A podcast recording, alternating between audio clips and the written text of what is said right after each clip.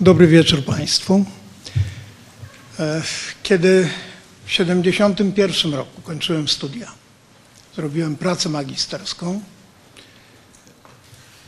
na okazjonalnej lampce wina ktoś rzucił takie zdanie, które utkwiło mi w pamięci. Amerykanie mają ropę naftową i gaz w łupkach, tylko czekają, żeby ją wydobyć, aż będzie, przyjdzie odpowiedni moment ekonomiczny. Ja byłem zdumiony. Jako student geologii wiedziałem, że łupek to skała zwięzła, nieporowata i tam nie ma prawa być ani gazu, ani ropy. Do głowy mi nie przyszło, że 40 lat później będę prowadził debatę o tym, że tam gaz jest i ropa jest, na co są oczywiste dowody, o których Państwo doskonale wiecie. Ale chciałem zapytać Państwa, e, kontynuując badanie opinii publicznej, kto z Państwa miał w ręku skałę łupkową, czarną, zwięzłą wieku sulurskiego albo ordowickiego? Raz, dwa, trzy. Dobrze, dobrze, wy, się nie liczycie. Cztery, Pięć, pięć, sześć. A więc podmiot, o którym będziemy dzisiaj rozmawiać, jest Państwu, ogólnie rzecz biorąc, kompletnie nieznany.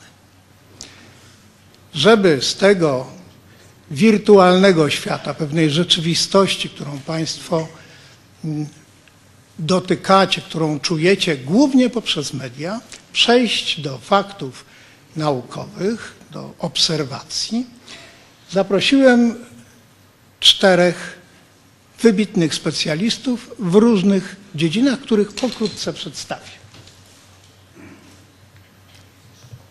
Przedtem może jeszcze sformułuję cel naszego spotkania, bo to jest bardzo ważne. Czasami zapominamy, po co takie debaty w ogóle mają miejsce.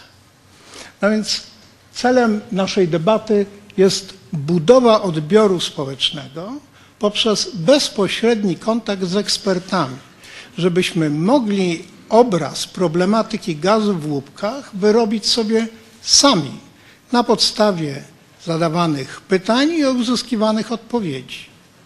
Jeżeli zatem macie Państwo szansę, żeby dzisiaj zdobyć choć trochę wiedzy, to wyciśnijcie ją z ekspertów. Oni od tego są.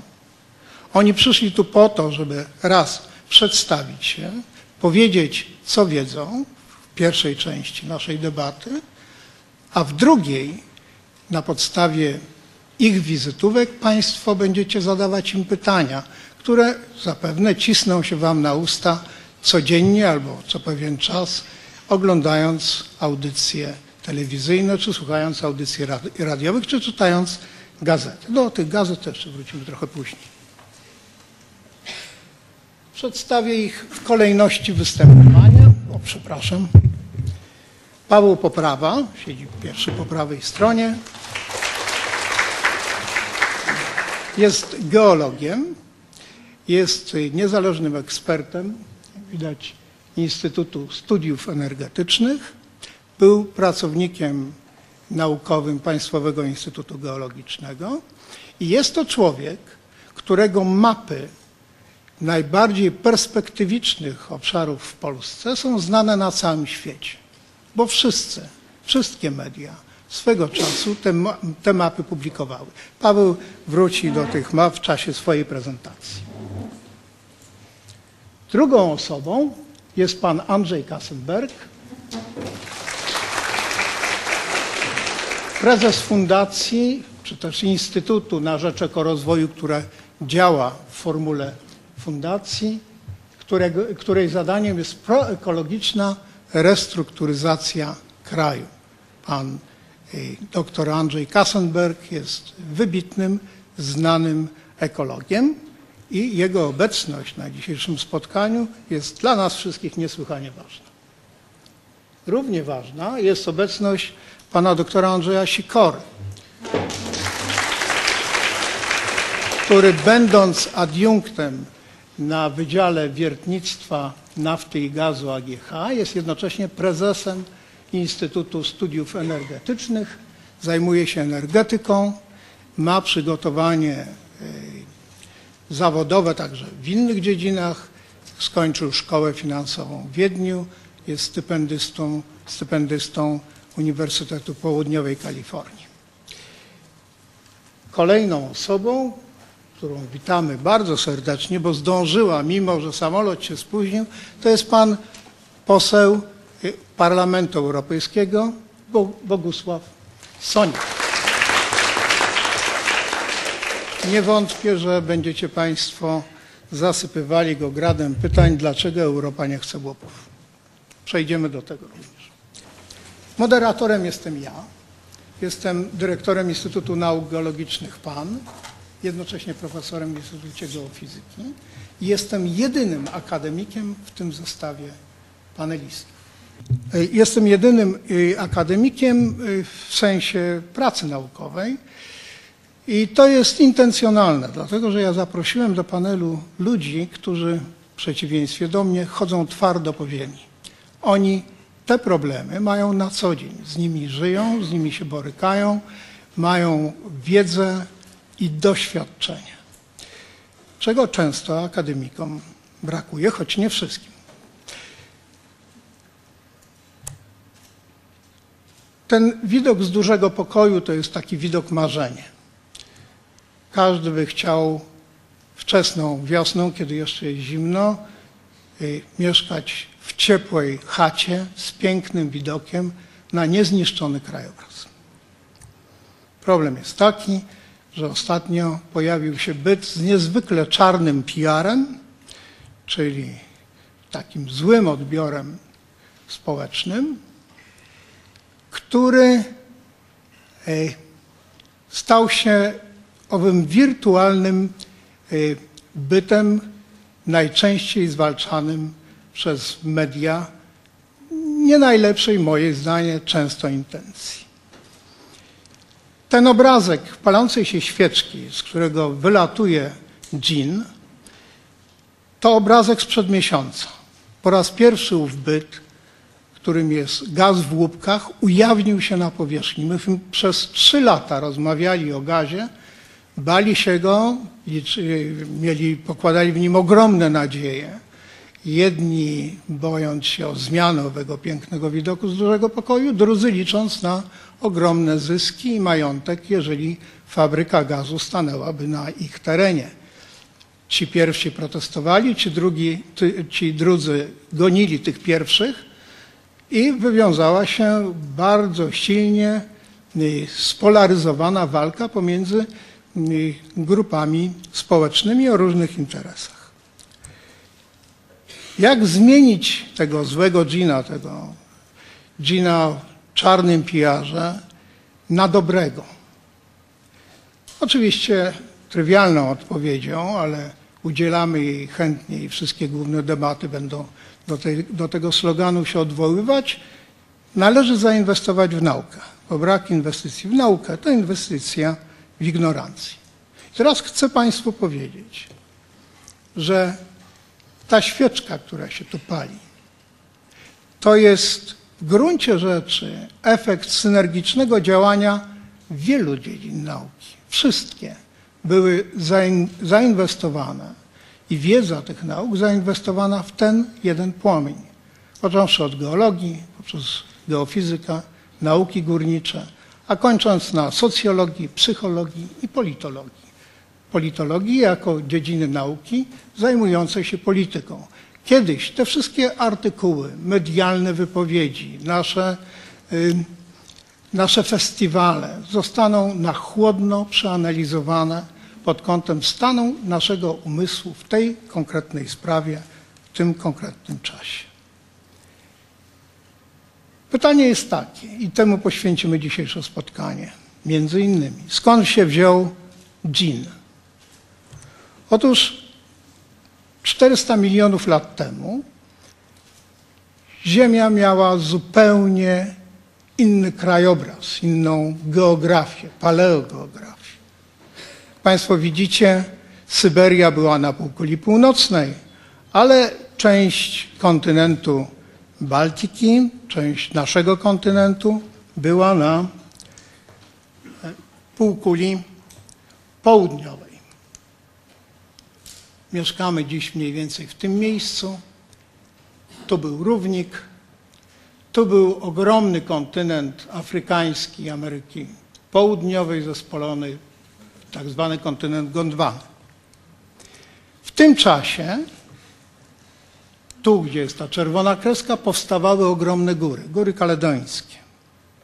Na przedpolu tych gór w różnych miejscach świata z różną intensywnością, wskutek tego, że poziom oceanu był wysoki po ostatnim zlodowaceniu ordowickim, tworzyły się skały w warunkach niedotlenienia. Były to skały czarne, łupkowe, o, drobnej, o drobnym ziarnie, niezwykle zwarte i swoiste.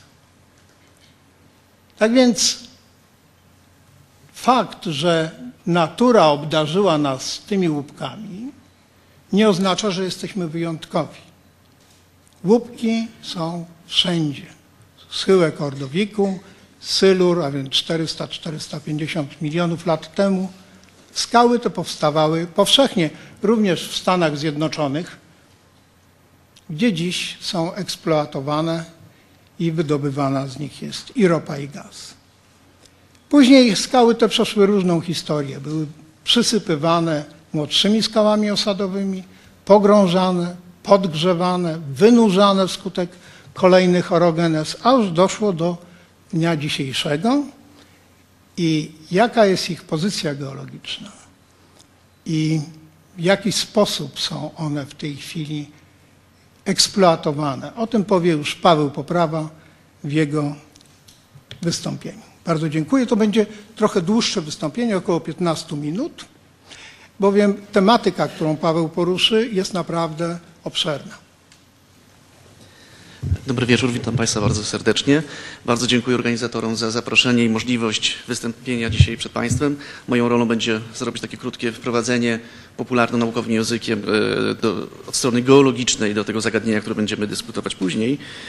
I myślę, że takie pierwsze pytanie, które warto sobie odpowiedzieć, to jest takie, czym, czym są te łupki, o których e, sporo e, rozmawiamy. Tutaj są zdjęcia, przykłady ze Stanów Zjednoczonych, takiej formacji, jednej ze znanych formacji złożowych w Stanach. Tu są przykład zdjęcia łupków, które są tutaj pod naszymi stopami jakieś 6 kilometrów w dół.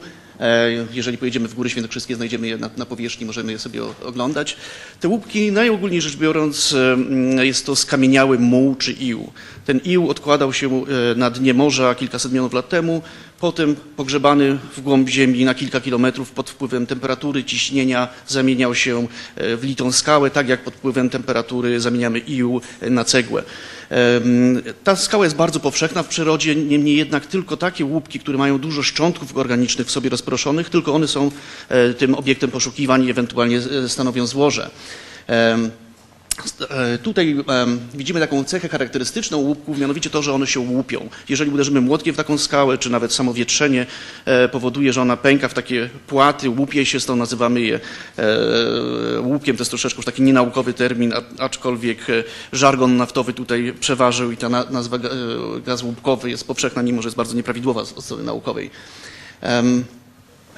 Jeżeli byśmy sobie przekroili ziemię na kilka kilometrów w głąb i spojrzeli z boku na taki przekrój, to e, widzimy tutaj coś, co nazywamy basenem sedymentacyjnym, czyli obszarem, który uległ pogrzebaniu, klęśnięciu w historii geologicznej i został zasypany kamieniami. On zwykle ma kilkadziesiąt kilometrów rozciągłości i kilka kilometrów głębokości i gdzieś w tym e, basenie mamy pogrzebaną taką skałę łupkową, bogatą w te szczątki organiczne. Najczęściej są to jakieś algi, mikroplankton. Nie są to duże organizmy, są to mikroskopijne organizmy, ale w dużym nagromadzeniu i chodzi tu o szczątki tkanki miękkie, nie o skorupki, tylko tkanki miękkie. One decydują o tym, że ta skała e, może być źródłem gazu. Więc gdzieś taki łupek mamy pogrzebany w głąb ziemi, e, gdzie mamy coraz to wyższą temperaturę i stopniowo ta substancja organiczna jest nietrwała, zaczyna się rozpadać e, i tak jak, nie wiem, kompost gdzieś złożony, czy biogaz w biogazowniach, tam pod wpływem temperatury substancja organiczna się rozpada i powstaje z niej między innymi gaz. E, W głębi Ziemi czynnikiem głównym jest temperatura. E, Z tego łupka powstaje czy to ropa naftowa przy mniejszych temperaturach, przy większych temperaturach, czyli głębiej gaz ziemny. One są bardzo, e, występują pod dużym ciśnieniem. To generowanie węglowodorów powoduje, że powstaje duże ciśnienie w skale i to ciśnienie uwalnia je ze skały i gdzieś przemieszczają się później przez jakieś piaskowce, inne skały, takie bardziej konwencjonalne zbiorniki ku górze, bo one są wszystkie nasycone e, wodą zasoloną, czyli solanką. E, Gaz jest lżejszy od tej solanki, więc zawsze się przedostaje ku górze. Gdzieś jak w jakiejś pułapce uwięziony tworzy konwencjonalne złoże. I tak funkcjonował przemysł, wokół takiej idei przemysł naftowy funkcjonował e, dobrych e, e, ponad kilka, sto czy więcej lat. Aż wreszcie fantazja człowieka, który się nazywał George Mitchell, po, pozwoliła zrozumieć, że bardzo dużo gazu zostaje w tej skale pierwotnej, którą nazywamy macierzystą. Nigdy się z niej nie wy- nie wydostał. Mniej więcej połowa gazu została tam i możemy po nią dzisiaj sięgnąć. Nie jest raczej chyba łatwe tak intu, intuicyjnie zrozumienie, gdzie w tej skale gaz się znajduje. Jeżeli weźmiemy ją do ręki, ona wygląda na całkowicie taką, taką litą i tam wydaje się, że nie ma żadnych pustek, w których mógłby się gaz zmieścić. Jeżeli byśmy zobaczyli taki konwencjonalny zbiornik, czyli na przykład piaskowiec, pod bardzo dużym powiększeniem, to tu widzimy takie indywidualne ziarna piasku, a pomiędzy nimi takie pustki, czyli porowatość, w której gaz może się znajdować i, pomiędzy tymi pustkami się przemieszczać. Dzięki temu ten gaz swobodnie przepływa przez całą skałę. W przypadku e, e, tych formacji łupkowych, tu też mamy takie duże powiększenie. Te pustki są znacznie mniejsze, występują głównie w takich miejscach, gdzie były takie klastry, grudki substancji organicznej. Ona generując gaz jednocześnie zamieniała się w taki zgorzel, w którym są, powstaje e, przestrzeń pusta. I w tych pustych przestrzeniach ten gaz występuje. I one nie są wzajemnie po, połączone, więc ten gaz nie przepływa przez skałę. Stąd też ta idea szczejnowania, czyli tworzenia spękań, którymi gaz by się przez skałę mógł przemieszczać. Technologiczna strona tutaj naj, w największym uproszczeniu mówiąc się sprowadza do pewnych dwóch cech specyficznych. To jest wiercenia otworów wiertniczych poziomych, które się stosuje w przemyśle konwencjonalnym tylko raczej jako wyjątek, tutaj jako regułę. I tutaj widzimy konstrukcję takiego otworu. mm, em, Mamy wierci świder, zwierca skałę. One z, em, te zwierciny są wypukiwane przez płuczkę tak zwaną wiertniczą na powierzchnię. E, Stopniowo, jak się zagłębiamy w głąb ziemi, w- są wkładane kolejne kolumny rur, które to wszystko stabilizują. Potem ta rura jest związana ze skałą ją otaczającą za pomocą cementu, co daje taką stabilizację tej całej konstrukcji. No i następnie już w obrębie takiej formacji złożowej wiercimy odcinek poziomy. E, Tak wyglądają mniej więcej proporcje, taki jeden do jeden e, takiego wiercenia, to jest mniej więcej w naszych warunkach te 3-3,5 tysiąca metrów w głąb ziemi do złoża, potem jakiś kilometr, dwa w obrębie złoża, to jest zasięg. Na żółto mamy taką miąższość tego pokładu ewentualnie nasyconego gazem. Tu- Tutaj mamy te spękania w powiększeniu, e, które indykujemy w skale. Wyżej mamy pokłady skał nieprzepuszczalnych, tak zwanych izolujących, potem jakieś solanki. Dopiero tutaj na ostatnich, może 200-100 metrach znajdują się e, e, wody pitne, więc to może będzie przydatne do późniejszej dyskusji o, o tych kwestiach zagrożeń środowiskowych. E, Istotą tutaj właśnie tego procesu technologicznego jest powodowanie spękań w skale, czyli szczelinowanie. Ono jest w ten sposób przeprowadzane, że zaczynamy od końca otworu i stopniowo w kolejnych zamykanych interwałach robimy e, szczelinowanie wstecz i na takim e, odcinku powiedzmy dwukilometrowym możemy zrobić kilkanaście takich szczelinowań, powodując sieć spękań w skale. W czasie takiego szczelinowania zużywamy średnio gdzieś rzędu 1000-5000 m3 wody, e, z czego około 20%, 20% zwykle średnio wraca na powierzchnię, choć to bywa bardzo, bardzo różnie, bywa więcej, bywa mniej, ale średnio około 20% wraca na powierzchnię. To, co nam wraca na powierzchnię i z czym e, e, e, musimy później e, sobie dać radę, to jest e, ta woda, którą zatłoczyliśmy, ona zawiera również piasek, em, średnio 500 do 2,5 tysiąca ton na jedno szczelinowanie, dodatki chemiczne oraz to, co y, można wypłukać ze skały, czyli różne okruchy skalne, muł i naturalne solanki występujące pod ziemią. E, I co my do tego szczelinowania dodajemy? Jaka jest natura tych dodatków chemicznych i, po co je dodajemy? To, co my chcemy zrobić ze skałą, to troszeczkę taki efekt, jakbyśmy uderzyli y, młotkiem w szybę samochodową i powstaje taka pajęczyna spękań.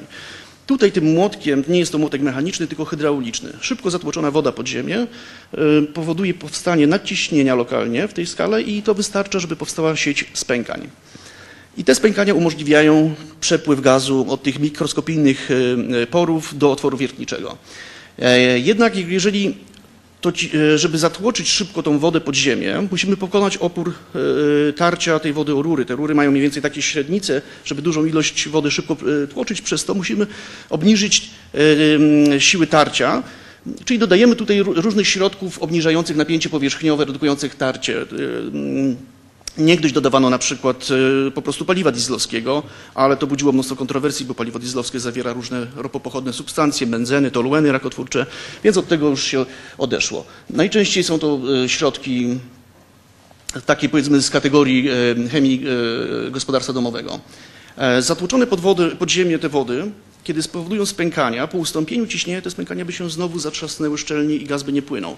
Z tego powodu wymyślono, żeby dodawać do e, takiej wody e, piasek, który rozproszony po tych szczelinach nie pozwala im się zatrzasnąć na, na, na grubość ziarenek piasku. To wystarczy, żeby te szczeliny były drożne dla gazu.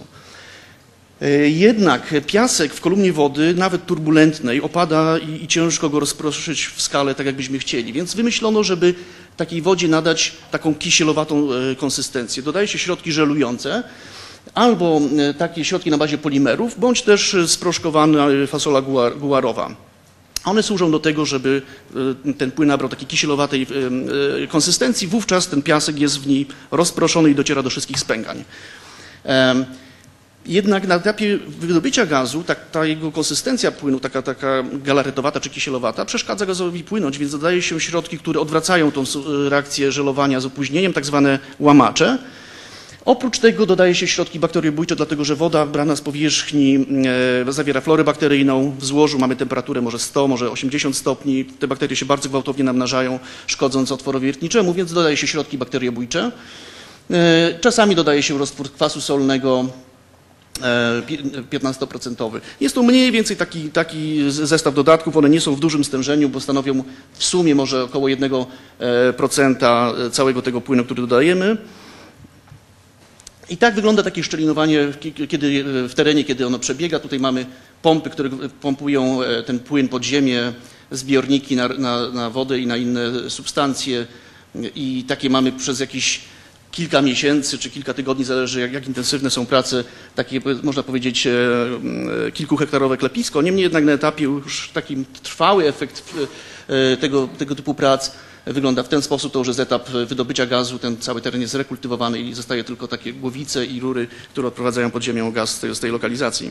Jako regułę to dzisiejsze podejście technologiczne stosuje wiercenie z jednej lokalizacji kilku, kilkunastu otworów w różnych kierunkach pod ziemią, tak żeby jak najmniej było tych placów wiertniczych. One w tej chwili zazwyczaj są lok- lokowane jakieś 2, 3, może 5, 7 kilometrów od siebie. Każdy z nich ma mniej więcej jakieś em, 2, 4, 6 hektarów. I troszeczkę przechodząc do tego, co nas bardziej, najbardziej interesuje, czyli tych naszych e, perspektyw e, polskich, um, e, tutaj jest taki pok- pokazany mój subiektywny pogląd, gdzie mamy największe szanse na występowanie gazu e, w Polsce. Im, im e, cieplejsze kolory, tym większe prawdopodobieństwo występowania złóż e, gazu ziemnego, więc mamy taki pas idący z północnego zachodu na południowy wschód. I skąd ekscytacja i zainteresowanie tym, e, tym tematem? No głównie z, z tego, co żeśmy na temat gazu łupkowego dowiedzieli się w Stanach Zjednoczonych. Tam, tutaj mamy Stany i Kanadę, to na brązowy kolor to są, to są te złoża gazu łupkowego e, w północnej Ameryce pokazane. Widzimy ogromne obszary, to co decyduje o ogromnych zasobach, gdzie występują e, złoża gazu łupkowego, które dopiero w ostatnich latach były wprowadzane do produkcji. Tutaj mamy kolejne lata i, i różne złoża gazu łupkowego w Stanach i stopniowo ich przyrastająca produkcja, dopiero gdzieś około 2008-2010 roku ta produkcja stała się bardzo istotna dla gospodarki amerykańskiej. To jest ciągle jeszcze bardzo, e, bardzo młody fenomen, który bardzo dynamicznie się rozwija. Em, Niemniej jednak w ciągu e, tych może dekady zbudowano nieomal 40, to jest procent, e, ile, jaki, jaki procent wydobycia łącznego gazu w Stanach stanowi gaz łupkowy. Od może 10 lat temu było to jakieś 3%, może w tej chwili jest to 40%. To jest niesłychanie gwałtowny proces, który ma ogromne implikacje gospodarcze, o których e, tutaj inni panowie będą opowiadać. Tu mamy taką projekcję, jak gaz łupkowy, jak również inny niekonwencjonalny gaz, gaz zamknięty, czyli tight gas, jaką mogły mieć e, udział w przyszłych dekadach w gospodarce amerykańskiej. Jest tu oczekiwany nadal duży wzrost i widzimy, że e, około 2030-2040 roku zdecydowanie te niekonwencjonalne gazy będą przeważać nad e, konwencjonalnymi złożami. E, Ale nie tylko gaz, y, y, sam gaz, czyli metan nas, nas ekscytuje. Jeżeli przesuniemy się nieco na wschód od tamtego poprzedniego pasa, mamy kolejny pas występowania takiej strefy, gdzie jest bardzo duże, gdzie jest prawdopodobieństwo występowania e, pomieszanego metanu, wyższych gazów węglowodorowych, takich jak etan, propan, butan, lekkiej ropy naftowej, a jeszcze dalej na wschód strefy już, gdzie dominuje e, w łupkach ropa naftowa. I znowu to ekscytacja tym zagadnieniem, czyli ropą łupkową, jest ponownie budowana tym przykładem amerykańskim. Tutaj mamy jeszcze młodszą historię, to jest bardzo wszystko świeże. W kilku miejscach e, w Stanach Zjednoczonych udokumentowano złoża gazu łupkowego i dopiero w ostatnich kilku latach zaczęto budować e, jakieś znaczące wydobycie z tych złóż. Niemniej jednak już obecnie, po kilku latach, 6,5% amerykańskiego wydobycia to jest e, wydobycie ropy z łupków. E, W ciągu kilku lat prognozuje się, że będzie to 15-20%, więc jest to ponownie takie powtórzanie, powtarzanie tego fenomenu gazu łupkowego. Eksplozywny rozwój e, e, tej nowej gałęzi przemysłu naftowego. I tutaj mamy ponownie taką prognozę wydobycia, czy proporcji między gazem, przepraszam bardzo, ropą naftową łupkową, a konwencjonalnymi źródłami i w Stanach Zjednoczonych to będzie rzędu może gdzieś jednej trzeciej e, e, amerykańskiej produkcji długofalowo, a jednocześnie e, powstało kilka raportów próbujących przewidzieć globalnie, jaka będzie rola ropy łupkowej. Tutaj mamy bardzo różne scenariusze, to wszystko jest absolutnie w takim embrionalnym jeszcze fazie. Niemniej jednak są takie prognozy, że do 2030 może około 10% e, ropy naftowej wydobywanej na świecie będzie wydobywane właśnie ze złóż łupkowych. E, Ekscytacja ma miejsce tylko i wyłącznie wtedy, jeżeli mamy odpowiednio duże zasoby e, e, tych złóż. I w naszym przypadku jesteśmy w bardzo takiej niezręcznej sytuacji, mówiąc o zasobach, ponieważ dysponujemy tak sprzecznymi i niespójnymi do tej pory ocenami, że wydaje się, że w ogóle za tym nie stoi żadna nauka, że to jest kompletne hochsztaplerstwo. Tutaj mamy zestawienie kilku raportów, które wyprodukowano w ostatnich latach, które no mają, jak Państwo widzą, ogromną rozbieżność. One są tutaj porównane do e, konsumpcji gazu e, w Polsce rocznej, czy do wielkości złóż konwencjonalnych. E, Od takich typu 5,3 e, biliona metrów sześciennych po około 1 bilion sześcienny, raport Instytutu, za który osobiście byłem odpowiedzialny, znacznie mniejsze cyfry, czy służby amerykańskiej, służby geologicznej, praktycznie liczby równe zero. No, można się zastanowić, jak to jest możliwe, żeby e, w dziedzinie, którą też zajmuje się nauka, jak to możliwe, żeby były takie duże rozbieżności. I problem jest y, w tym, że e, te informacje, które zbieramy, wszystkie, e, żeby zbudować wyobrażenie o złożu, jego zasobach, są, są liczne i pochodzą z różnych dyscyplin e, nauk o Ziemi, a wiele z nich tutaj zaznaczonych na, na te e, pomarańczowe kolory nie istnieje, dopóki przemysł nie wejdzie w teren, bo są tworzone właśnie w trakcie, w trakcie prac poszukiwawczych. I ciągle mamy bardzo duże rozbieżności mm, w rozumieniu tych danych geologicznych, które mm, e, charakteryzują złoże. Nawet tak oczywiste rzeczy, jak grubość tego pokładu, który jest nasycony gazem, czy jego rozciągłość w przestrzeni. Nawet te rzeczy nie są jeszcze w tej chwili, nie ma konsensusu, nie, nie rozumiemy ich specjalnie dobrze. Z tego powodu takim sposobem, żeby zrozumieć zasoby, bardzo takim atrakcyjnym jest zrozumienie produktywności jednego otworu. To jest troszeczkę taka zastąpienie tej, tej skomplikowanej analizy geologicznej. Można e, to tak zastąpić, żeby próbować za pomocą być może analogów na przykład ze Stanów Zjednoczonych zbudować wyobrażenie, ile jeden otwór w całej swojej historii wy, y, y, pozwoli wyprodukować gazu ziemnego. I tu mamy przykłady takiego tempa wydobycia y, z otworu wiertniczego na łupkach, tu akurat przykład złoża Haynesville i tą skumulowane wydobycie narastające w czasie. I widzimy takie bardzo specyficzne profile wydobycia, gdzie mamy duży przypływ na początku, potem szybko spadający. I teraz w naszych polskich warunkach, jeżeli byśmy chcieli za pomocą takiego podejścia zrozumieć wielkość złoża, to mamy ten problem, że tutaj widzimy 10 lat wydobycia. My oczywiście nie mamy żadnego wydobycia jeszcze. Mamy pierwsze testy, czyli jakiś pierwszy punkt gdzieś tutaj na tej osi i z niego sobie musimy tą krzywą wyobrazić. To jest bardzo, e, bardzo w tej chwili trudne. Można to robić na bardzo e, różne sposoby i dochodzi do alternatywnych wyników. Niemniej jednak to, co zaczynamy już słyszeć w tej chwili w mediach, czyli wyniki pierwszych testów na tych złożach, to jest coś, co już pozwala nam e, zaczynać budować precyzyjną wiedzę, dlatego że istnieje taka empiryczna zależność między testem, to, to jest wielko, e, wielkości testów, e, czyli mi, miesięcznym przepływem po szczelinowaniu, a docelową produkcją z jednego otworu. I amerykańskie złoża pokazują, że istnieje taka empiryczna zależność i możemy z niej jako analogu e, korzystać. I tutaj, żeby jeszcze jakby pokazać, jak bardzo mogą być te różne scenariusze, pozwolę sobie na taką, taką drobną zabawę, gdzie ponownie tutaj e, są te raporty do tej pory dla Polski wykonane wielkości zasobów, e, tylko troszeczkę przeskalowane w ten sposób, bo ta skala będzie nam potrzebna. I załóżmy, że będziemy słyszeć w najbliższych e, miesiącach czy latach, że firmy uzyskują przepływy z testów wielkości takiej jak na złożu Haynesville. No to byłoby gdzieś rzędu 200-250 tysięcy metrów sześciennych w czasie testu. Z tego tymi wszystkimi pośrednimi metodami możemy sobie zbudować wyobrażenie wielkości zasobów i to jest przykład, jakie byłyby w Polsce zasoby przy określonej powierzchni złoża. To, to też jest dyskusyjne, no ale niemniej jednak. Mówimy, jeżeli ten scenariusz byłby prawdziwy, mówimy o supergigantycznym złożu, jesteśmy hegemonem gazowym Europy. Ale nie jest to jedyny z możliwych scenariuszy. E, Jeżeli byśmy mieli tutaj takie wyniki testów, jak na złożu Eagleford, też bardzo znane złoże, rzędu 50-60 tysięcy metrów sześciennych na dobę, mówimy o znacznie, znacznie już mniejszych zasobach, ale ciągle z całą pewnością e, tworzący z Polski kraj samodzielny, wręcz eksporter gazu na, na znacznie już mniejszą skalę. Niestety istnieją też realne scenariusze takie, jeżeli zobaczymy, jakie są pierwsze testy w tej chwili wykonane w Polsce, jakie są ich wyniki, przypływy rzędu 10 tysięcy metrów sześciennych na dobę, to te nasze zasoby przy tej ciągle tej samej powierzchni złoża kurczą się znacznie i co więcej, są już dużo, dużo mniejsze, co więcej nie wiemy, czy są komercyjne w wydobyciu. Więc to troszeczkę jak gdyby chciałbym przez tą figurę pokazać, że to, że jest tak roz, taka duża rozbieżność w rozumieniu tych złóż ma swoje uzasadnienie. Potrzeb, żeby to rozstrzygnąć, potrzebujemy jak największej ilości testów złożowych. One rozsądzą, która z tych wielkości jest, e, jest prawdziwa. I tu już na końcu Chciałbym pokazać, gdzie jesteśmy z tym stanem poszukiwań w Polsce. Mamy już szereg otworów wierconych, e, około 45 otworów na tych formacjach łupkowych. Niestety tylko 5 do tej pory z takich z prawdziwym testem, czyli tych poziomych otworów wielokrotnie szczejnowanych, e, z czego zaledwie dwa uniknęły jakichś poważnych e, technicznych problemów, więc mamy te informacje bardzo niereprezentatywne. E, Są one troszeczkę niepokojące, bo te przepływy są bardzo niskie, ale z całą pewnością te pierwsze informacje są zupełnie nie- niereprezentatywne. To, co potrzebujemy, potrzebujemy kolejnych 100-150 otworów, które są przewidziane w e, umowach koncesyjnych e, wywiercone w najbliższych dwóch, trzech latach, więc liczymy na to, że nikt nie zniechęci tych inwestorów, żeby się wycofać z Polski, że te prace zostaną dokończone. Niestety wymaga to około 5 miliardów, co najmniej 5 miliardów złotych, żeby te, ten proces poszukiwań zakończyć. To jest to, co mam, liczymy, że się wydarzy w najbliższych dwóch, trzech latach. I w tym miejscu po- pozwolimy sobie podziękować.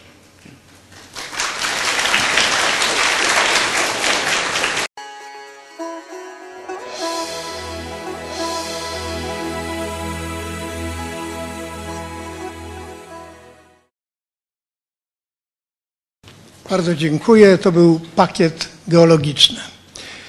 E, Paweł mówił 5 miliardów trzeba zainwestować. Ale co jeszcze trzeba zainwestować? Czy mm, nie obejdzie się bez innych kosztów, szczególnie tych, które są postrzegane najbardziej dramatycznie? I o to chciałem zapytać Andrzeja Kassenberga. Gdyby nas wprowadził w temat ekologia, a gaz łupkowy. Dzień dobry Państwu. Ja też jak Pan Profesor mm, w 71 roku skończyłem ten uniwersytet i wchodząc tutaj e, no, z takim rozrzewnieniem pamiętam jak tu przychodziłem do starego buwu i się uczyłem jak korzystać z biblioteki.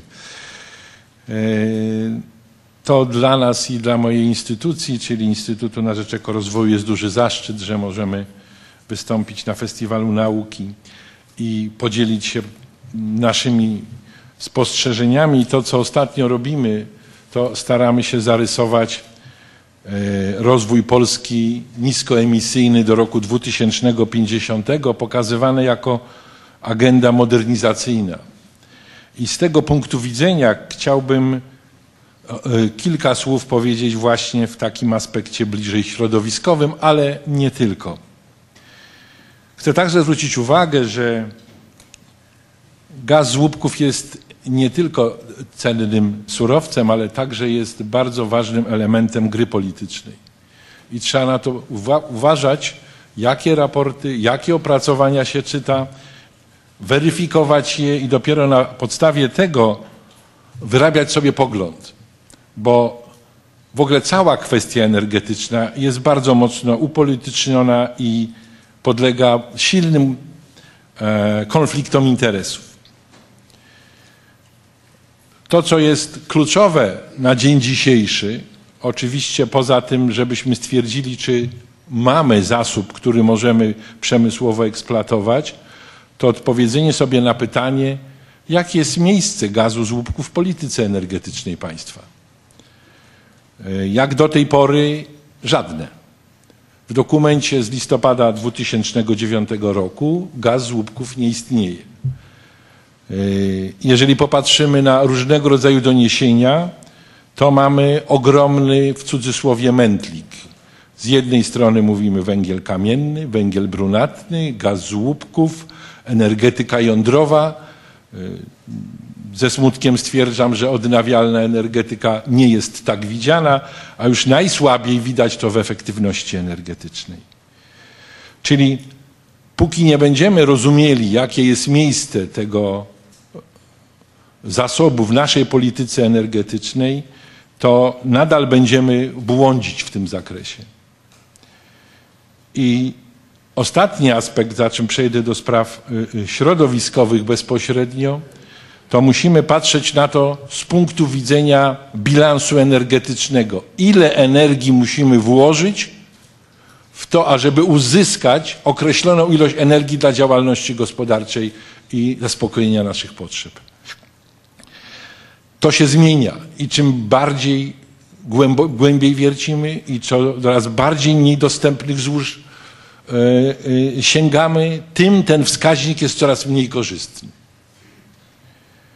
Dlatego patrząc na to z tego punktu widzenia, ale także z tego, że gaz z łupków jest y, paliwem kopalnym, a więc także przyczyniającym się do emisji gazów cieplarnianych, należy także widzieć to jako element wspomagający rozwój naszego kraju w, w części energetycznej na okres przejściowy 30-40 lat, gdyż sądzę, że odnawialna energetyka, zwłaszcza jeżeli badania naukowe pozwolą nam tanio ją gromadzić, będzie czymś bardzo wartościowym i czymś dominującym w przyszłości, jak i także ten gaz łupków mógłby pełnić bardzo ważną rolę w rozwoju lokalnych systemów hybrydowych jako zabezpieczający dla fluktuujących e, e, rodzajów energetyki typu energetyka słoneczna czy wiatrowa.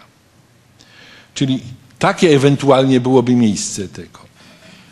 Natomiast przechodząc już do bezpośrednich spraw środowiskowych, to to, co można w wielu miejscach spotkać, to jest poważne zagrożenie związane z jednej strony ze znacznymi ilościami wody, a z drugiej strony związane z co robić z tym, e, tą substancją, która wypływa, jak tu było przed chwilą powiedziane, rzędu 20, inni mówią 30%, co z nią robić. Jest to substancja z jednej strony zawierająca różnego rodzaju związki chemiczne, a z drugiej strony zawierająca także to, co jest w głębi Ziemi. I to jest ten bardzo poważny problem, którym trzeba się zastanowić, przygotować się, jak to rozwiązać. Wiele rzeczy mówi się o tym, że przy wierceniach może być naruszone warstwy wodonośne. Patrząc na dziesiątki tysięcy wierceń zrobionych w naszym kraju, jeżeli są to wiercenia robione w sposób prawidłowy, z właściwym zabezpieczeniem, kontrolą i monitoringiem, takie zagrożenie może być sprowadzone do prawie że minimum. Czyli to, co bardzo jest podkreślane, jeżeli mamy system, który nas zabezpiecza, to możemy to zagrożenie w istotny sposób zminimalizować, zwłaszcza jeżeli byśmy kontrolowali, jakie substancje są używane do tego płynu szczelniującego. Wycofywane powinny być o wysokim stopniu toksyczności, a ewentualne skażenia powinny być w całości, yy, yy, z całości po stronie firm i odpowiedzialności.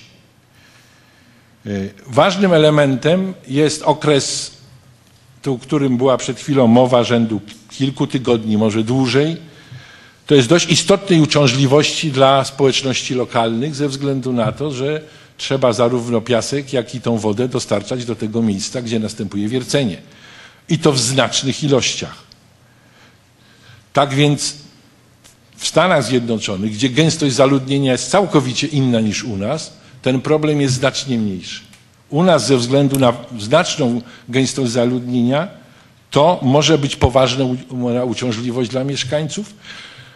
I jeżeli byśmy dopuścili, co uważam byłoby za zdecydowanie niewskazane, czyli na stawy osadowe, w których byłaby gromadzona ta woda y, po y, y, szczelinowaniu, no, jeżeli byłoby to dopuszczone, to łącznie byłoby to poważne zagrożenie dla zdrowia ludności lokalnej, jak i także w jakim stopniu przez ten okres czasu stanowiłoby zły obraz tego terenu, co niektórzy się martwią. Trudno to dzisiaj stwierdzić z całą pewnością, żeby tak nastąpiło, ale może być tak, żeby część ludzi zrezygnowała z wyjazdów turystycznych do takich obszarów, uważam, że to jest teren, którym nie chcą wypoczywać i powrót tych osób byłby znacznie trudniejszy, mimo rekultywacji, która by nastąpiła i tego, co było pokazane, że już moment eksploatacji nie jest tak ingerujący w środowisko. Y, na, bazując na przykładach kanadyjskich czy amerykańskich, część resztek tego gazu, który nie jest ujęty, jest tam spalany. ale przewiduje się, że od 2015 roku będzie to zakazane. W związku z tym wydaje się także, że w naszym kraju, żeby zabezpieczyć się przed dodatkową emisją metanu, który jest znacząco bardziej szkodliwy dla globalnego ocieplenia niż dwutlenek węgla, taką rzecz wprowadzić. Sumując, a obserwuję to od prawie samego początku, jak ta sprawa stała się bardzo ważna dla naszego kraju i powiem szczerze, bardziej ważna geopolitycznie na początku niż energetycznie, obserwuję lekceważenie spraw zagrożeń i obaw ludzi. I moim zdaniem jest to bardzo poważny problem, z którego wielu polityków i działaczy gospodarczych nie zdaje sobie sprawy. Ludzie nie wiedzą, ludzie nie rozumieją do końca, a w związku z tym ich obawy rosną. Na spotkanie koalicji klimatycznej przyszedł ekspert, choć nie był zaproszony, ale przyszedł ekspert z dużej firmy kanadyjskiej, polskiego pochodzenia i powiem Państwu, jak, się, jak nas potraktował. Powiedział tak, no słuchajcie Państwo, ja tu przyjechałem z żoną i dzieckiem i czy Wy sobie wyobrażacie, że ja bym tak prowadził działalność, żebym zatruwał środowisko, w którym będzie żyć moje, moja żona i dziecko. No, jeżeli mamy, y, y, ja daję skrajny oczywiście przykład, ale to taki skrajny przykład staje się coraz bardziej powszechny, tak jak ten przykład, którym no, niezbyt roztropnie wylano część płynu po y, szczelinowaniu do lokalnej żwirowni. I jak się zdarzyło to raz, ale teraz staje się coraz bardziej upowszechnione. Czyli nie wolno lekceważyć zagrożeń i obaw. Dwa, różne instytucje wypracowują tak zwane złote zasady. Nie chcę Państwa teraz Y, y, tym y, obarczać, bo to są dość szczegółowe zasady, jak postępować właśnie z tego typu przypadkami. Są doświadczenia, jeżeli dobrze pamiętam, w stanie Ohio, porozumienie między biznesem, władzami stanowymi i organizacjami ekologicznymi. Jest w British Columbia specjalna komisja, która nadzoruje to.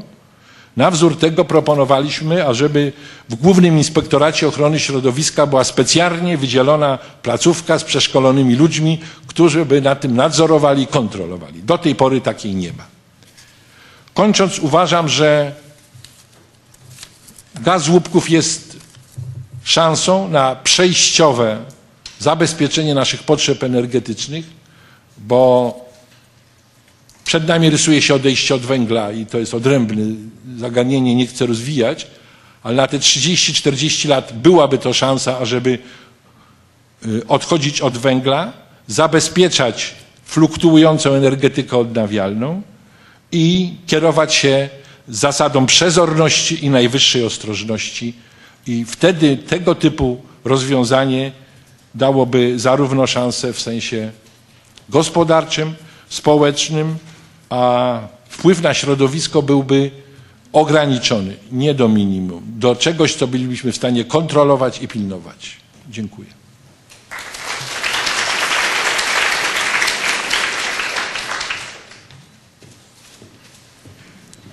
Bardzo dziękuję. Zapraszam teraz drugiego Andrzeja, Andrzeja Sikorę, z prośbą, żeby zechciał nam przybliżyć kwestie ekonomiczne owej energetyki gazu łupkowego. Czy to jest w ogóle przedsięwzięcie opłacalne? W jakich warunkach jest opłacalne?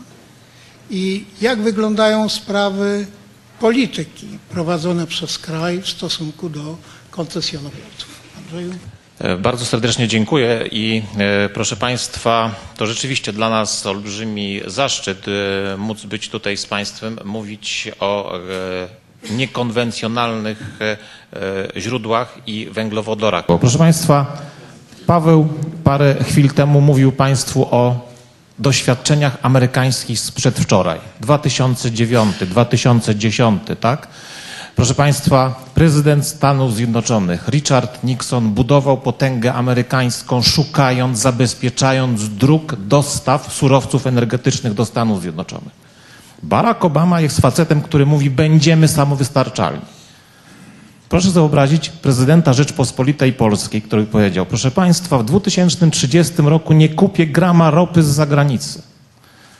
Proszę powiedzieć, nie kupię grama żadnego surowca energetycznego. Będę eksporterem surowców energetycznych. Tak jak Państwo w to nie wierzycie, Amerykanie też w to nie wierzyli.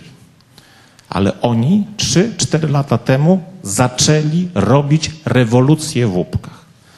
Im się udało. My ciągle mamy szansę. Ponieważ jestem pierwszy raz od 17 lat w tym miejscu i pewnie następnym razem będę za 17 lat, to chciałbym za te 17 lat powiedzieć o hydratach metanu. I powiem tylko dwa zdania na ten temat, bo slajd jest z naszego starego szkolenia z 2007 roku. A chcę o tym powiedzieć, ponieważ Państwo pamiętacie 13 marca tego roku, wybór papieża Franciszka i wszyscy ucieszeni, że nowy papież, natomiast tego samego dnia, 8 godzin wcześniej, japońska agencja podaje, że pierwszy raz komercyjnie dostano się do hydratów metanu i że za 5 lat mają mieć ekonomicznie uzasadnione złoża i wydobycie hydratów metanu w Japonii. Jak myślicie Państwo, co to oznacza? To oznacza, że kraj, który nie ma kompletnie żadnych surowców energetycznych, a mówimy o złożu rzędu 50 miliardów metrów sześciennych, które jest dostępne na szelfie japońskim.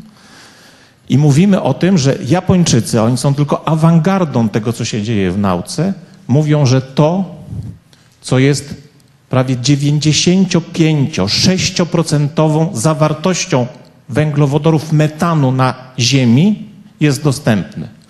To wszystko, co tu jest wyżej, gaz konwencjonalny lepszej, gorszej e, jakości, e, metan z pokładów węgla, te tight gazy, o których mówił pa Paweł, wtedy się nazywały to łupki dewońskie, sylurskie, to wszystko, proszę Państwa, jest niczym wobec tego, przed czym stoi ludzkość. Przed hydratami metanu. Nie wiem, czy za dwa lata, za trzy, za 17 lat na tych festiwalu nauki będziemy mówić o tym, jak do tych hydratów metanu się dorwać. Natomiast pokazuję to dlatego prześmiewczo. 2007 rok. Proszę Państwa, co to jest ten hydrat metanu i za chwilę na ten temat skończę. Zwykła, krystaliczna struktura wody, w której to wodzie w klatracie zamknięta jest cząsteczka metanu. Proste. Tylko jak ją uwolnić? Ile energii, o której mówił Andrzej Kassenberg, należy dodać do tego, żeby ten materiał podgrzać i uwolnić metan tak, żebyśmy mogli z niego korzystać? 13 marca 2013 roku Japończycy powiedzieli: Znaleźliśmy technologię. I za 5 lat będziemy na świecie mieć możliwość do wejścia w te hydraty metanu. To na początek i już więcej o hydratach dzisiaj nie opowiem. Natomiast zanim zacznę te swoje dywagacje ekonomiczne, proszę Państwa, ile produkujemy gazu niekonwencjonalnego gazu z łupków na świecie. Dzisiaj. Quiz. Żeby być bliżej tych liczb, tu już koledzy mówili, proszę Państwa, Europa dzisiaj zużywa około 400-450 miliardów metrów sześciennych gazu rocznie. Polska pokazywał Paweł 14 miliardów metrów sześciennych rocznie, tak?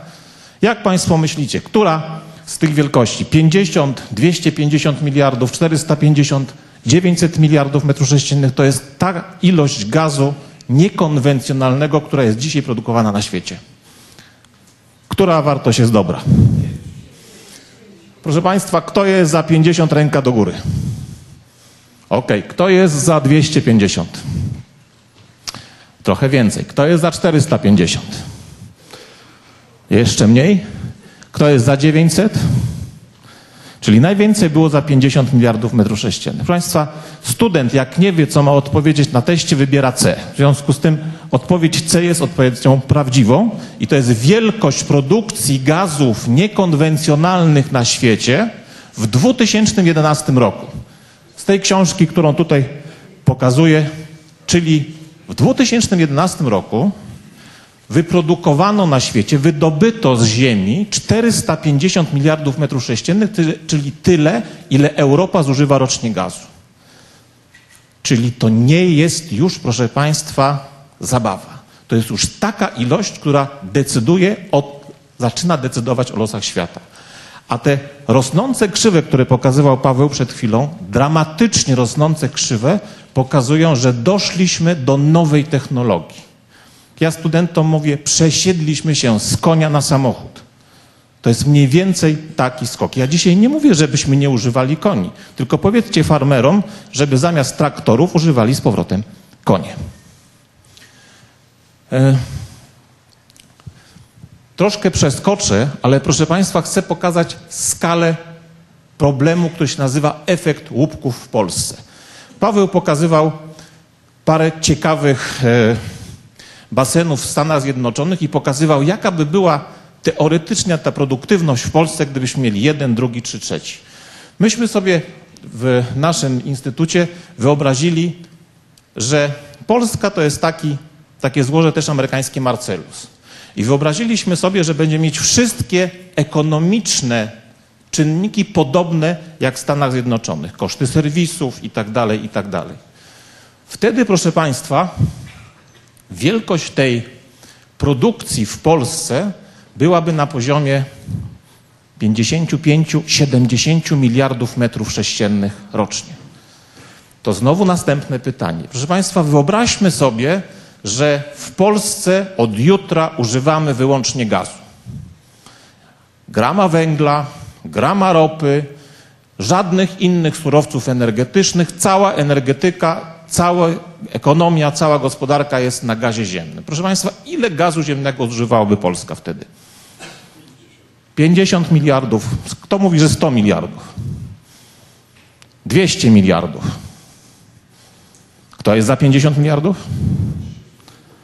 Proszę Państwa, policzyliśmy to i to jest około 80, 75, 80 miliardów metrów sześciennych. To znaczy, w momencie, kiedy się zaczynamy zastanawiać, co to znaczy sukces łupków w Polsce, bo na klęskę jesteśmy w Polsce przekonani, tak? Jak po, tak, przygotowani jesteśmy do, do klęski zawsze. Ostatnia polski, polski ktoś, kto Państwa pamięta ostatni polski sukces? Ale proszę się nie śmiać. Jaki? Siatkówka dzisiaj o godzinie 20 skończymy przed 20. Proszę Państwa. Nie skończymy przed 20. Proszę Państwa, ale no jak to? Nie proszę Państwa, dla mnie to dramat. Nie pamiętacie ostatniego polskiego sukcesu? Ani jednego sukcesu w Polsce nie było? Same dramaty? A no, dobra. Jak się swoich dzieci zapytałem, powiedzieli, że bitwa pod Wiedniem, tak? 1600. No. E, może się nie uczą teraz tej historii. Proszę Państwa, wyobraźmy sobie sukces w Polsce i wyobraźmy sobie ten sukces w ten sposób, że rzeczywiście będziemy mieć te 10, 20, 50 miliardów metrów sześciennych. Dlaczego mówię o takich wielkościach? Bo przecież ci Amerykanie, jak przyszli do Polski, to nie są durnie, prawda? Jak taki duży firm, koncern amerykański, jeden, drugi, trzeci na świecie przychodzi i kupuje 3, 5, 7 koncesji, oni przyszli po miliard metrów sześciennych? Po 4 miliardy metrów sześciennych, które wydobywa dzisiaj PGNiG w Polsce? Po ile oni przyszli? No każdy pod 10-20 miliardów metrów sześciennych, tak? Oni chcą mieć szczęście. Jak jest tych koncesji 115-120 wydanych, to z każdej koncesji powinno być z 10-20 miliardów metrów, bo oni przyszli po sukces. Oni nie przyszli tutaj dlatego, żeby nam robić dobrze, tylko żeby zarabiać pieniądze, tak? W związku z tym te 70 miliardów metrów sześciennych, to nagle się okazuje, że to jest taka ilość, która jest zbędna dla naszej gospodarki. No, kupicie Państwo samochód na gaz? Zmienicie Państwo swoje ogrzewanie na gaz? I tak dalej, i tak dalej, i tak dalej. W związku z tym pierwszy problem się pojawia, że ta konsumpcja w kraju wzrośnie do 26, do 27, do 30 miliardów metrów sześciennych i to tylko w przypadku, kiedy ktoś radykalnie podejmie takie decyzje. Wyobraźcie sobie, że jesteście szefem PGE albo szefem Tauronu, tak? I przychodzę do was i mówię, proszę od jutra wyłączyć wszystkie bloki węglowe w Polsce, mam gaz z łupków. Wydobyłem 15 miliardów metrów, a wy macie tyle elektrowni na węgiel. Wyłączyć. No przecież są wyłożone pieniądze, inwestycje zrobione, kredyty zrobione. Przecież nie wyłączą mi tych bloków od jutra, tak? W związku z tym ta ilość gazu, którą możemy w Polsce z sukcesem e, e, skonsumować, nie jest aż tak duża. No to co? Sprzedajmy, tak? Gdzie my możemy sprzedać gaz z Polski? Do Rosji daleko. Proszę Państwa, ale no, oczywiście takim naturalnym, takim naturalnym, takim, nat- no ale prze, prze, przepraszam bardzo, szef dużego amerykańskiego koncernu przyszedł do Polski, wziął parę koncesji, chce wydobywać 20 miliardów metrów sześciennych, to on chce wiedzieć, to sprzeda. Że on nie, tak jest. Niemcy są świetnym kierunkiem, tylko że Niemcy popodpisywali sobie właśnie długoterminowe kontrakty z Rosją i z Norwegią, tak? Może Ukraina. Jest, jest też duża potrzeba, tak? Tylko wyobraźcie sobie, jak pań, wyobraźcie sobie swojej mentalności, że 20 miliardów metrów sześciennych gazu będzie wysyłane na Ukrainę. Też ciekawy przypadek polityczny. Pokazuje to, bo to oznacza, że ten problem zaczyna się nie tylko dlatego, jak będziemy mieć klęskę. Zapomniemy, że był gaz z łupków, dokopiemy się do kolejnej kopalni węgla brunatnego, zrobimy CCS i tak dalej.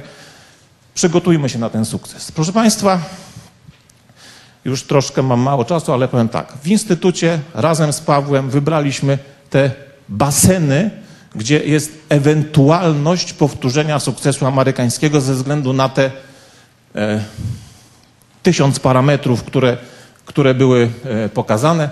Proszę Państwa, dodaliśmy do tego wszystkie możliwe serwisy, koszty i tak dalej.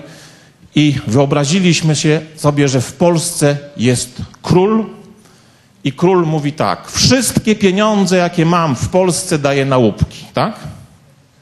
Dlaczego tak? Ano dlatego, że na tych basenach, o których Państwu powiedziałem, policzyliśmy koszty, które muszą być przy dzisiejszych serwisach wydane. I proszę Państwa, to jest od 23, 21, 17 miliardów złotych na każdy basen. Na, na jedną koncesję w danym basenie. Proszę Państwa, jak Paweł powiedział o 5 miliardach przy tych 100 odwiertach, to państwo tak przeszło e, 5 miliardów. Projekt gazu z łupków w Polsce jest projektem rzędu 500 miliardów złotych. Nie mieliśmy w historii Rzeczpospolitej takiego projektu. Proszę mi pokazać szefa tego projektu w Polsce. Proszę mi powiedzieć, kto w Polsce jest odpowiedzialny za projekt gaz z łupków. Proszę mi powiedzieć, kto ma 500 miliardów złotych. Nawet mówię o mniejszych pieniądzach, żeby zrobić tylko te parę koncesji. No to król w Polsce powiedział wszystkie ręce na pokład. Król w Polsce powiedział, wszystkie państwowe firmy dają pieniądze na gaz łupków. Policzyliśmy te pieniądze. Proszę Państwa, KGHM, PGE, PGNiG, Orlen i tak dalej mogą dać łącznie, gdyby nie robili żadnych innych inwestycji, 34, 8, 7. Oni wszyscy razem mogą, proszę Państwa, dać od 3 do 5% łącznej powierzchni kraju. Taką ilość pieniędzy mają polskie firmy. Wniosek z tego jest taki, że z polskich pieniędzy sukcesu gazu z łupków nie będzie.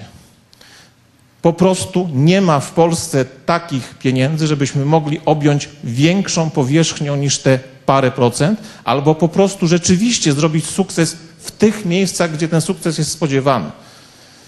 Czyli znaleźć parę takich koncesji, gdzie rzeczywiście to się nam uda. Co takie proste, co takie proste nie jest. 100 odwiertów, 100 do 150 odwiertów, 5 miliardów złotych. Każdy odwiert to są odpowiednie pieniądze. Jeden odwiert to jest około 40-45 milionów złotych. I tak dalej, i tak dalej. Mamy to, proszę Państwa, wyliczone dokładnie, tak?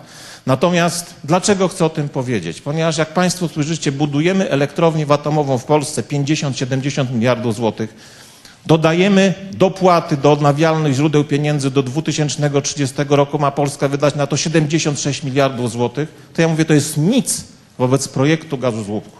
Najważniejszymi e, wnioskami, z którymi się chcę z Państwem podzielić, to to, że jeżeli już dzisiaj, jeszcze nie wydając tych pieniędzy, mówimy o podatkach, to oznacza, że nie wiemy o czym mówimy. I druga rzecz jest taka, że jeżeli Państwo popatrzycie na te wielkości, na poszczególne koncesje, to może się określ, e, okazać, że inne podatki należy nałożyć na koncesje w Gdańsku, inne podatki na koncesje w okolicach Warszawy, a jeszcze inne podatki na koncesje w okolicach Zamościa.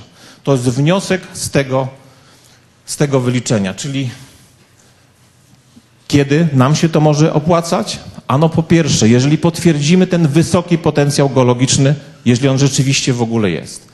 Jeżeli te koszty, o których Pan mówił z tym łańcuchu, nie będą aż tak wielkie, w Stanach są znakomicie mniejsze niż w Polsce. Jeżeli nie będziemy mieć takich barier i tak dalej, i tak dalej. Proszę Państwa, tych jeżeli w Polsce jest za dużo. Tych jeżeli mamy zidentyfikowanych tak dużo, że po prawej stronie pokazana mapa nie jeżeli, tylko istniejąca. Dodatkowa infrastruktura, gaz z Rosji, który spokojnie sobie płynie w tym kierunku jest nadmiarowa w stosunku do wielkości zapotrzebowania całej Europy.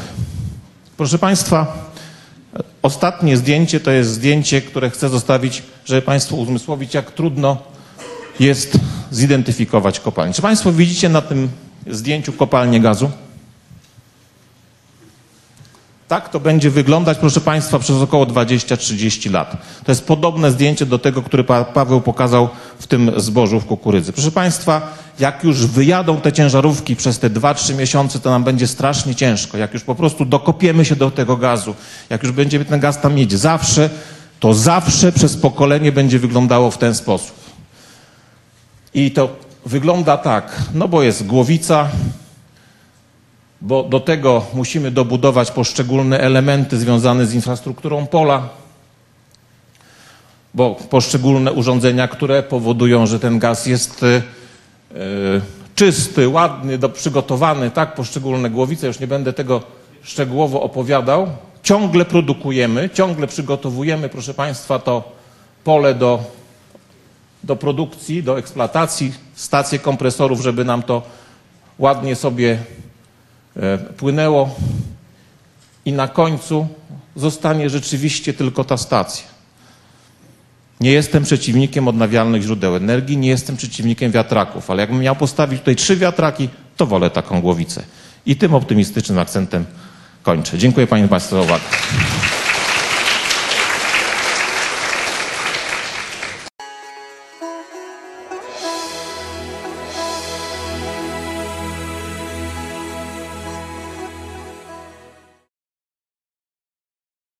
Dla mnie y, osobiście pojawił się po tych dwóch prelekcjach taki oto dylemat, że nasza działka rodzinna jest na tym miejscu, który ma największy potencjał gazu łupkowego. Ja nie wiem, czy mam się cieszyć, czy martwić.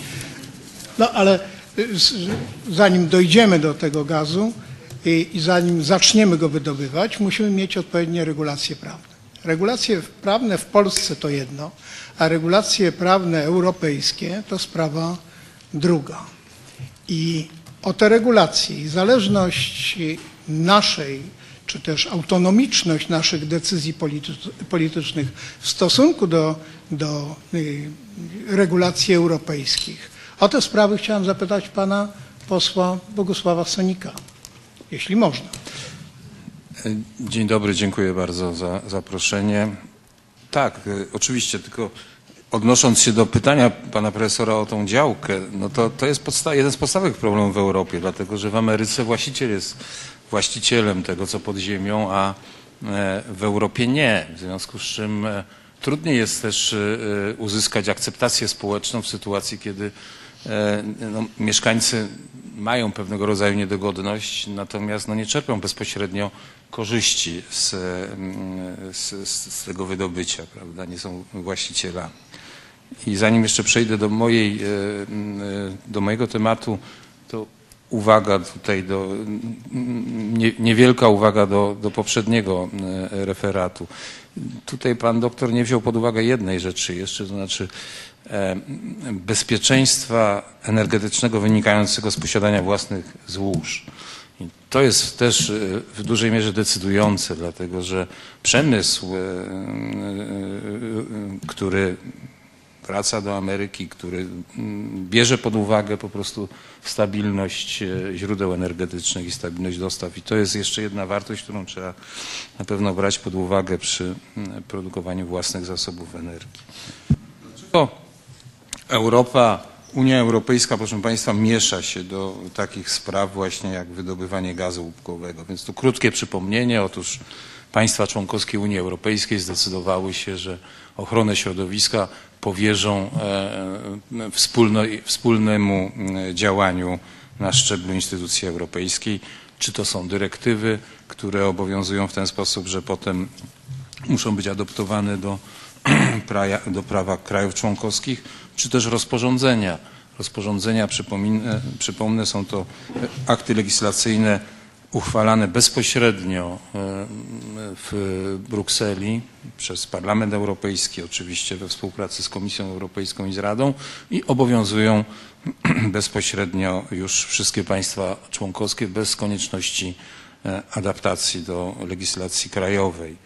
Takim przykładem głośnym przed laty była kwestia Doliny Rozpudy, gdzie jakby e, mogliśmy się przekonać bezpośrednio, że to prawo, które zostało przyjęte z naszym udziałem na szczeblu mm, europejskim jako rozporządzenie przy Naturze 2000 jest twardym prawem obowiązującym i nie da się po prostu wbrew niemu e, pewnych inwestycji e, prowadzić. Stąd też Polska musiała się wycofać z prowadzenia obwodnicy przez obszary Natury 2000. Dlatego też ta batalia, która teraz się toczy o przyszłość e, e, spojrzenia na ochronę środowiska i e, kwestię wydobycia gazu łupkowego na różnych forach europejskich, a właśnie i w Parlamencie Europejskim, no jest tak istotna i tak emocjonalna, gdyż jak e, są oczywiście aspekty polityczne również wydobywania gazu łupkowego, bardzo szybko e, część krajów e, wprowadziła moratorium. Pierwszy Francja zaczęła, za nią poszły inne e, na mm, metodę wydobywania hydraulicznego.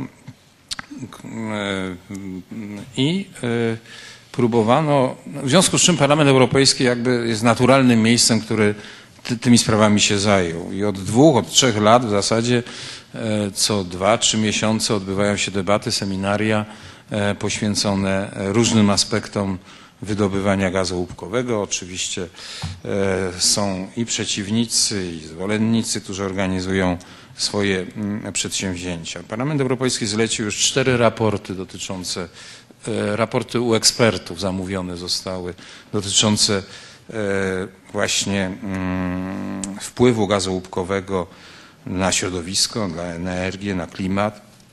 One były e, publikowane, Była, był również jeden raport, który czasami sprzeczne ze sobą wnioski były, mm, który sugerował, że nie ma potrzeby zmian legislacyjnych w prawie europejskim. Tym niemniej w listopadzie 2012 roku po rocznej pracy został przyjęty mój raport, który odnosił się do środowisk- środowiskowych aspektów. E, Generalnie było to trochę takie podejście, które tutaj e, dr Kassenberg mm, proponował. Mianowicie chodziło o to, żeby na podstawie doświadczeń ze Stanów Zjednoczonych, z Kanady stworzyć katalog najlepszych dostępnych praktyk e, i technik, wprowadzić obowiązek stałego monitoringu działań operatorów, jak i również pełnej przejrzystości działań. Zarówno w, aspekcie przyznawania koncesji, jak i podawania do infor- informacji publicznej stosownych składów płynów. No i oczywiście powinno to być poprzedzone kampanią informacyjno-edukacyjną, no a także należy starać się, by uzyskać społeczne poparcie dla prowadzonych działań, gdyż trudno sobie wyobrazić, żeby można było no, przy takim zaniepokojeniu opinii publicznej e, prowadzić e, działania wydobywcze wbrew, e, e, wbrew e, obywatelom. W Polsce jesteśmy zresztą świadkami takiej, takiej próby takiego eksportu rewolucji anty, antyłupkowej ze strony, mm, ze strony środowisk skrajnie nieprzyjaznych wydobywaniu gazu łupkowemu. E, Również i w Parlamencie Europejskim mieliśmy e, z Polski wystąpienia na Komisji Petycji. No, one raczej przypominały takie, no, ale s- lęk przed maszyną parową, prawda, ludzi. Obywatele są zaniepokojeni. Po raz pierwszy wydobycie tak blisko wkracza gospodarstw, tak blisko wkracza mieszkań, domów, posesji. E, Zawsze czy ropa naftowa, czy gaz wydobywane były raczej z dala od, e, od e, osiedli, od, od mieszkańców, w związku z czym one mniej emocji wzbudzały. Komisja Europejska na wiosnę tego roku postanowiła poprzedzić swoje stanowisko, które ma być ogłoszone, zaraz do tego przejdę, na koniec tego roku. Komisja Europejska e, postanowiła ankietę przeprowadzić wśród obywateli europejskich, e, jak oni postrzegają ten e, aspekt środowiskowy i zagrożenia i korzyści płynące z gazu łupkowego. Więc wpłynęło 24 tysiące odpowiedzi, Mm, z tego 96% od podmiotów indywidualnych. Tu Polska wykazała się bardzo taką e, energiczną postawą. 53% ankiet pochodziło z Polski, 15% Fra- z Francji, 14% z Rumunii, z pozostałych krajów reszta. Wśród szans związanych z wydobyciem gazu łupkowego najczęściej wskazywano na dywersyfikację źródeł surowców, bezpieczeństwo energetyczne, wzmocnienie pozycji negocjacyjnej Unii Europejskiej wobec aktualnych dostawców. Z kolei jako zagrożenia brak przejrzystości procesów związanych z poszukiwaniem i wydobyciem, nieadekwatne regulacje prawne, brak lub niski poziom społecznej e, akceptalności. Te wyniki oczywiście w jakimś względzie będą wzięte pod uwagę w trakcie prac Komisji Europejskiej, która, tak jak powiedziałem, ma przedstawić swoją inicjatywę, jakąś inicjatywę analizującą sytuację prawną, analizującą sytuację faktyczną przy wydobywaniu gazu łupkowego, tak aby skutecznie zarządzać ryzykiem w zakresie ochrony środowiska i zdrowia publicznego. W listopadzie 2012 roku, kiedy była mm, tam się taka próba sił u nas w Parlamencie Europejskim dokonała, bo przed ostatecznym głosowaniem część grup e, zielonych, socjalistów wniosła o, wniosek o to, aby na szczeblu europejskim uchwalić moratorium, żeby idąc drogą francuską e, powiedzieć, że my na szczeblu europejskim również nie zgadzamy się na wydobywanie aktualną metodą e, gazu łupkowego. To zostało odrzucone, ten wniosek nie przeszedł. I e, będziemy teraz świadkami prawda, kolejnej batalii, która rozegra się niebawem e, na przełomie roku, również i w Parlamencie Europejskim po prezentacji stanowiska Komisji. Dotarłem kilka dni temu do e, mm, pierwszego stanowiska Dyrekcji do Spraw Środowiska, które, która to dyrekcja mm, e, przygotowała dokument do wewnętrznych konsultacji z innymi dyrekcjami, bo czterech komisarzy odpowiada za e, to e, stanowisko wobec wydobywania gazu łupkowego. Komisarz do spraw energii, komisarz do spraw przemysłu, komisarz do spraw klimatu i komisarz do spraw środowiska. No, Środowisko jako wi- wiodące ten e, dokument został przesłany do wewnętrznych konsultacji. Ocena, która wynika z tego dokumentu, wynika jasno, że on główną uwagę zwraca na kwestie dotyczące chemikaliów stosowanych y, przy wydobywaniu gazu łupkowego, konstrukcji odwiertu i recyklingu y, no, tego płynu, który potem y, wydobywa się z, z odwiertów. Teraz oczywiście mm, kształt tego dokumentu będzie zależał, tak jak powiedziałem, od pozostałych komisarzy, którzy będą swoje uwagi zgłaszać. Tym niemniej trzeba brać pod uwagę, że w obecnej sytuacji kryzysowej bardzo mocno przebija się sprawa e, konkurencyjności europejskiego przemysłu, cen energii, bezpieczeństwa energetycznego Europy. Te aspekty muszą być wyważone w, e, w, tym, w tym dokumencie, który, mm, który zo- zostanie przedstawiony przez Komisję. W najbliższym czasie tutaj będzie na pewno kluczowe też i w przyszłości ta debata będzie dotyczyć dyrektywy, oceny oddziaływania na środowisko. W tej chwili e, no to jest jakby kluczowa dyrektywa, która mm, przed każdą inwestycją większą y, no, musi być taka ocena dokonana. Obecnie mm, odwierty badawcze, czyli te poszukiwawcze, nie są objęte obowiązkowo dyrektywą e, oceną oddziaływania na środowisko. E, No, gdyż uważa się, że to jest proces, tak jak tutaj mówiono zresztą, poszukiwawczy, który powinien trwać i wykazać w ogóle, czy warto wchodzić w przemysłowe wydobycie. Na pewno e, jest jasne, że przy przemysłowym wydobywaniu gazu łupkowego taka ocena oddziaływania na środowisko m, musi być. Dlaczego to jest tak istotne? Dlatego, że to jest proces administracyjny, który trwa, może trwać i 18 miesięcy. W związku z czym, jeżeli by, miano zastosować pełną ocenę oddziaływania środowisko e, przy e, mm, ocenach, e, przy odwiertach badawczych, no to siłą rzeczy wydłużałoby to znacznie mm, no, działania na rzecz oceny szans przy wydobywaniu gazu łupkowego. No, natomiast no, jest to na pewno jedna z ważnych, z, z, z kluczowych debat, która, której będziemy świadkami w, w najbliższym czasie. Dużą wagę przywiązuje się w, w parlamencie do tego, że to wydobycie powinno spełniać najwyższe standardy środowiskowe, być bezpieczne, czyli zmniejszające ryzyko dla obywateli.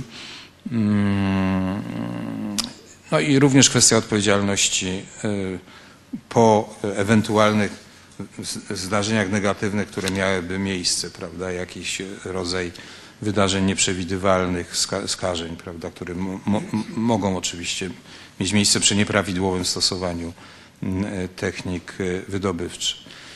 Najważniejsze jest, i ja to powtarzam na naszych spotkaniach, żeby nie używano argumentów dotyczących ochrony środowiska jako zastępczej broni do uniemożliwiania wydobywania gazu, e, gazu łupkowego. Żeby to nie służył po prostu, żeby to nie był pretekst tylko do tego, aby zablokować e, wydobywanie gazu łupkowego. Bo ta batalia, ona ma oczywiście, kończąc już, e, dwa aspekty. Jeden, że zrozumiałe są lęki obywateli, o tych którzy mieszkają obok, którzy nie chcą mieć do czynienia z tym, mówiłem. Ale no, byliśmy świadkami wielokrotnie w historii, że niekiedy e, nie- nieoczekiwanie produkt, który był przedstawiany jako projekt cudowny, prawda, jak azbest, e, obraca się przeciwko obywatelom. Więc nie należy wszędzie dopatrywać się mm, e, spisków i działalności na, na, na rzecz zdyskredytowania, nie wiem, naszych szans energetycznych i tak dalej. Trzeba w sposób rzeczywisty analizować, przedstawiać i prowadzić w sposób otwarty e, z obywatelami na każdym etapie działań e, pełną e, informację i pełny, e, pełny dialog. Na pewno część tej niechęci do wydobywania gazu łupkowego bierze się stąd, że środowiska i w ogóle Unia Europejska od wielu lat wkroczyła na drogę gospodarki niskoemisyjnej, prawda? Finansowania energii ze źródeł odnawialnych. I przykład amerykański, gdzie nagle te ceny gazu łupkowego okazują się bardzo niskie i konkurencyjne, powoduje, że no, istnieje obawa, że ten e, powtórzenie czegoś takiego w Europie no, wstrzymałoby ten proces finansowania odnawialnych źródeł energii, byłoby na pewno konkurencyjne dla mm, finansowania e, e, źródeł e, energii i stąd również bierze się taki, no, bym powiedział, negatywne, e, budowanie negatywnego wizerunku e, gazu łupkowego.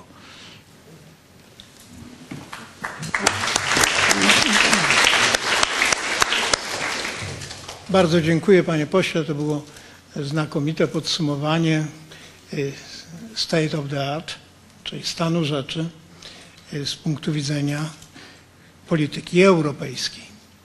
Zatem usłyszeliście Państwo credo. Credo geologa, ekologa, energetyka, polityka.